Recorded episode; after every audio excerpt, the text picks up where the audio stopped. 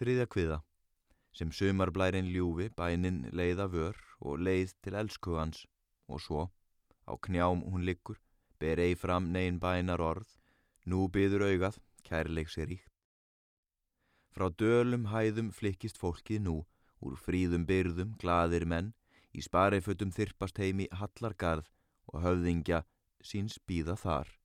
Og kringum vagnaskýru gulli glæsta þar og gulli skreitt að þjóna hans, nú lættust allir, ungir gamlir, bæði kín og undruðust þið mikla skraut. Miljutinn einn með höfuð gamalt hærum sett, í hinna gleði tók ei þátt. Hann sá þar ei sitt augnaljós og aldur svon, því ókomin var fóstra hans. En fram úr djúpum skói hleypa kvítum jó á harða spretti bræður tveir, með gleðu ópi hlupu allir hliði að og hundrað munnar kalla. Hill sé Valdimar, sem dagur bjartur ljós á lit, á ljósum gæðing, dag hann færi ross, og dúfu á armi heldur hann, svo heim til vor, hann beri mildan hug og hjarta þel. En það kemur smá töf því að ég þarf að skera upp blaðsuna, þetta er svo gömul, svo gamalt ritt, þetta er frá, gefið út 1898, þetta ritt sem ég á, upp og síðan. Svo rópa þeir með hjörtun vonarglöð og hraða auðmjúkt móti þeim í hallargarði, í hliði og utan hliðs, fjallhópurinn á bæði knýja og höfðingin hann kom en hlátur ei, lekonum þá um munni brá en trúir þjónar óttast kalda kveðju hans af kvíða drúpir fólkið allt. En Dimitri gleðist að fólksinn þungu þögn. Heyr þú mér bróðir, saði hann og hlófið kallt. Hvort lifa þeir sem líti ég hér eða líti ég tóma svipi á? Til slíkrar þagnar síðar vil ég venja þá sem verða að þjóna sjálfu mér. Svo gleði ópið rífi ekki eiru mín, er inn ég ríð á gardin minn. Svo mælti Dimitri. Hinn það skildi hardla vel og hestin stöðvar þá í svip og sér miljútin heimtir hann til hjáls við sig en heftir reyði sín á spyr. Hví vantar bændur mína hug og hljóð, er heim ég kemi þeirra sveit. Hvort líta þeir mig heiftar auga og hræðast mig sem hræðu eða refsi vönd. Hann mælti svo. Í auðmíkt beigir höfuð, hinn af hærum grár og svaraði. Er sólinn bjarta, herra minn, úr heiði skín, er höðrið líka glatt og bjart, en þegar fyrir andlit sólar skikkir skí, þá skikkist jörð og dabrast mjög. Svo mælti hann og leiti í sama svip, í söpnuðunum, hvar hún stóð, hún fóstra hansinn fagra mær í fríðan meiahóp hún komin var. Hann gleymir öllu og svari sinu með, af sorg er búningin hann leit, hann flýtir sér og fljótt vill ná í fáranlegan höfuðsveig. En lofum Dimitrís saman skellir skarpt og skellir hlær við þessa sjón. Nei sjáðu bróðir, hvað talsmann hann vill hingað færa kall fugglin. Og þetta saði hann. En hinn leit við og hálmi girtu meina sá. Nú minnist hann, hvar hana fyrr hann leit og hálfu reyðari nú varð. Þú graskrynd hálmdís hingað, kallar hann, komingað. Brúði hétt ég fyrr að gefa þræli öldnum, hann er hyrðfíbl mitt og hann þú skalt að launum fá. Og betur yrði herra síns, hún heyri nú og horfir til hans óttafull. En þetta reyði deima auga hún áður sá og ennið kveld sem nú var dimt. Og þennan æsku blóma hún áður leit, sinn elskhuga úr drömnum þekkir hún. Hinn sami er hann, ekki ljós og mildur þó, sem áður, þegar hún í draumi satt við hliðans ljúfum lækjar bakka á og leit ein eitt niður myndin nema hann. En óttin kvarf, því óttast gatt hún síst, sinn elskuga, niður heiminn sinn, en gráti aðeins ástartára dögg og elskað, dásamað og farist svo. Og hraðislu löst sem fær hún bljú til bæna fram að byggja heima dýrlingsinn. Til höfðingjans, hún gekk það fram og fjall á knýja og fórnar höndum, byður svo. Nadestu herra, lít á þinnar þernu tár og þykstu eifi fátækling. Í betra skraut, ég búið hefði betri hlut, ef betra hefði gæfan veitt. Af beltinu og svegnum reyðist sáran þú, en sem ég batt þau, hugsaði ég.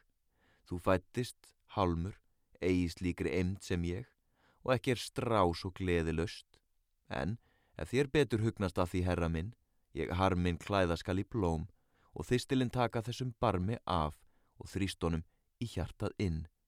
Svo mælti hún, að höfði síðan tók, hún höfuð svegin villi blómum úr og tók af nettu mitti, halmband hrjúft og horfði upp á ný og bað. Æ, glemdu, herra, reyði þinni nú af náð, svo nái ég um lítið augnablik að sjá þitt andlit myllt og morgun bjart og megi þakklátt deyja svo. Sem sumarblærin ljúfur bænin leiða vör og leið til elsku hans og svo, á knjám hún likkur, berei fram neyn bænar orð, nú byður augað kærleiksi ríkt. Og Valdimar nú fast og lengi hefur hort í reynu augun kærleiksi rík og vildi tala en andvarp ástar hlýtt í orðastað frá brjósti leið. Hann hafði eist líka fegur litið volgu við, nje víðum mosku sölum í og sálans vefst í óslíðandi una spönd og aðeins vakandi hann dreyma hyggst. Á Dimitrís vör þá sigur brosi brá, hann bróður sínum kvíslar að, fyrir haugin góða, þú mér þernu hjest og þessa kýs ég handa mér. En lovorðið nú hinnum flög í hug, hann rekkur við, en draumi lauk og augað reykar langa stund án margs og miðs, en mjög svo fölna kinnar hans. Þú, bróði minn, víst átt þú eigið val, en ambátt velja skaltu þér, en þessi mær að fullu er frjáls. Hún frjáls er borin hver sem engils eðli fjekk við fæðinguna, frelsi hlaut, og frelsi veitti í henni, það er engin gjöf, en viðurkenning að hún frjáls sé fætt. Og mildilega að minni þá hann snýr og mælir, statt upp, nadesta góð, sem vindblar ertu frjáls sem fuggla á grein, en fagra dúfa, höfðings haugar tveir, nú horfa á því olmum vígamóð, hvert mynd þú beina flug á veikum væng, hvar viltu leitað gríða stað. Þá stóð hún upp, hinn unga mær, og mjúkri vör á mynd hans kisti og saði þá, þann sem í skónum áðan dúman ofsótt fann, þann einni kísi gríðastað, til þín í undan dimri hættu, herra, flý, og hjá þér mun ég finna vernd, þitt göfga hugar þér mér bjargar best, úr begja ukkar hauka klóm. En Valdimar sem vangar róða sló, hann veik þá bróðu sínum að, og bending gaf, þeir bræður hurfu skjótt í björtum fagurgerðum hallar sál.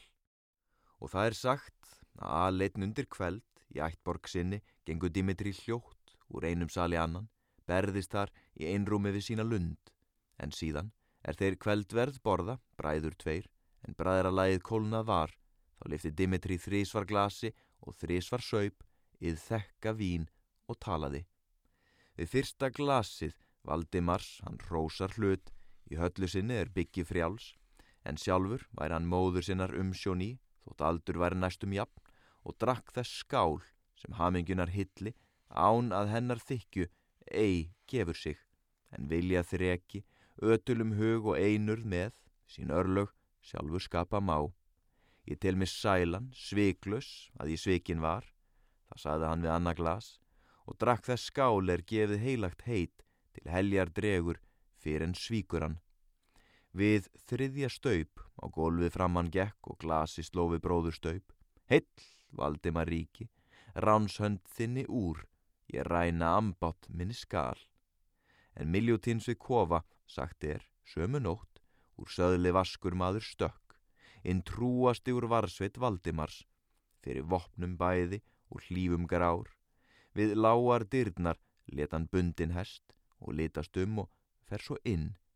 Að vörmu spori kom hann aftur út, þá er með honum nadesta í för. Á söðul knapp hann setur hann að létt og síðan stekkur hann á bak og sporum laustan hestin, helt á stað sem haugur, flýi, en þögull eins og nótt. En megarnar hlutskipti öllum hulið var, en horfin var um bænum úr og fólki þaði kvíðið eða hvæði söng um kappans huldu nætur reið. En spyrðu menn miljutín, hristi hann, sinn hæru koll og þagði við og horði fram á vegin er hans indi fór, uns auga Karlsins fyltu tár. Þetta var þriðja kviða úr uh, Nadesta og þetta er að þingja svolítið lesturinn að tvennu leiti. Já, hann er kannski léttast og þingjast. Léttast uh, fyrir þar sækir að ég er svona farin að hafa aðeins meiri tilfinningu fyrir uh, tekstunum og stílnum.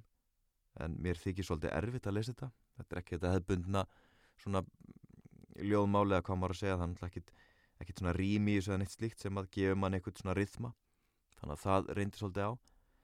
En þingjast bara varandi viðfánsefnið og svona þessi átök sem er eigað sér staðum kannski ekki hilliðinar en bara um hana um nadestu. Og þessi bræðra átök og þetta þingist allverulega. Uh, fyrsta ljóðlistin sem að ég svona heitlaðist af af íslenskri ljóðlist var Kristján Jónsson fjallaskald alveg pottit, átti mynda á hann sem úlingur döð drukkin einhver staðar nýri í Reykjavík á uh, 19. öld. Döðadrukkin bara í ræsinu með flösku. En mörga hans ljóðum eru einstök og við tökum þau til ykkur tíma við tækifæri. En svo var það Charles Bukowski sem að heitlaði mig gríðala, hann svona opnaði þá opnuðust ykkur með dyr ljóðlistarinnar á allt, allt öru sviði. Las mikið eftir hann, hans bæði ljóð og skálsugur og fannst þau bara æðisleg bara frábær eitthvað megin og hef nú lengi ætlað eitthvað megin að opna svona dyr ljóðlistarinnar miklu meira upp á gátt, það var að byrtast hérna að vera að gefa út um, endur útgáfið eða nýja ljóðabók eftir Jón Kalman, hvort það séu fyrir verk. Ég náði því ekki alveg en á eftir að skoða hann betur. En þetta er satt Jóð Ellir Rúneberg sem við erum búin að, að vera að lesa. Látum þetta bara gott heita. Þriðja kviða búin fjórða kviða framöndan átök bræðra ástir hilli öfund, vald, græðki reyði, ílska allt kemur hérna fram. Sorg, tár hmm, myndlíkingar og svo frammeins all the good stuff. Uh, ringi af ömmu, frænda eða frængu af eldri kynsluðinni spjallum ljóðlist ástarljóð og kannski bara ein, ein einföld spurning. Uh, sendu þau eitthvað tíman ástarljóð til einhvers? Sömduðu það eða notuðu þau ljóð einhvers annars? Hvaða hlutverk uh, þjónaði ljóðlistin í lífi ykkar eldri ættingja? Hvert þið veljið að ringi þá er það bara í fínu lagi hvers sem það er bara svo lengi sem að þessar spurningar í einhverju formi ljóðlist er spurð. Ég ætla að beða stafsökunar að ég er búin að vera svolítið svona uh, ráfandi hérna í tali eins og í öllum hinnum lestrónum er ekkert handrit ég bara skelli mér inn í lestar klefan minn heima eftir vinnu eða kvöldið til lesa upp eitthvað áhugavert eða það sem ég er byrjaðar á að lesa. Og veldi í stundu fyrir mér hver í óskopanum hlustar í gegnum það allt saman. Sérstaklega þeirra svona eitthvað megin að, að hérna, ekki að röfla, þetta er ekki að kalla að röfla en eitthvað með svona fjara út finnst mér í einhverju skipulegri og svona hnitmiðari hugsun og tali en áðan ég fer algjörlega niður eitthvað svona villu stíg villu ráfandi söður þá ætla ég bara að kveðja þakka fyrir hlustun á þriðju kviðina desta byggðu ykkur um að þóða ykkur um hendurnar halda þeirri fjarla sem byggður um og finna ykkur eitthvað svona gaglegt og bara skemmtilegt að gera í þeim aðstæðum sem við erum í og reyna að halda sönsum með við meðan við erum að fara í gegnum þetta, þetta tímabil afsækið Svo Árið Byggðist afsökunar og kveður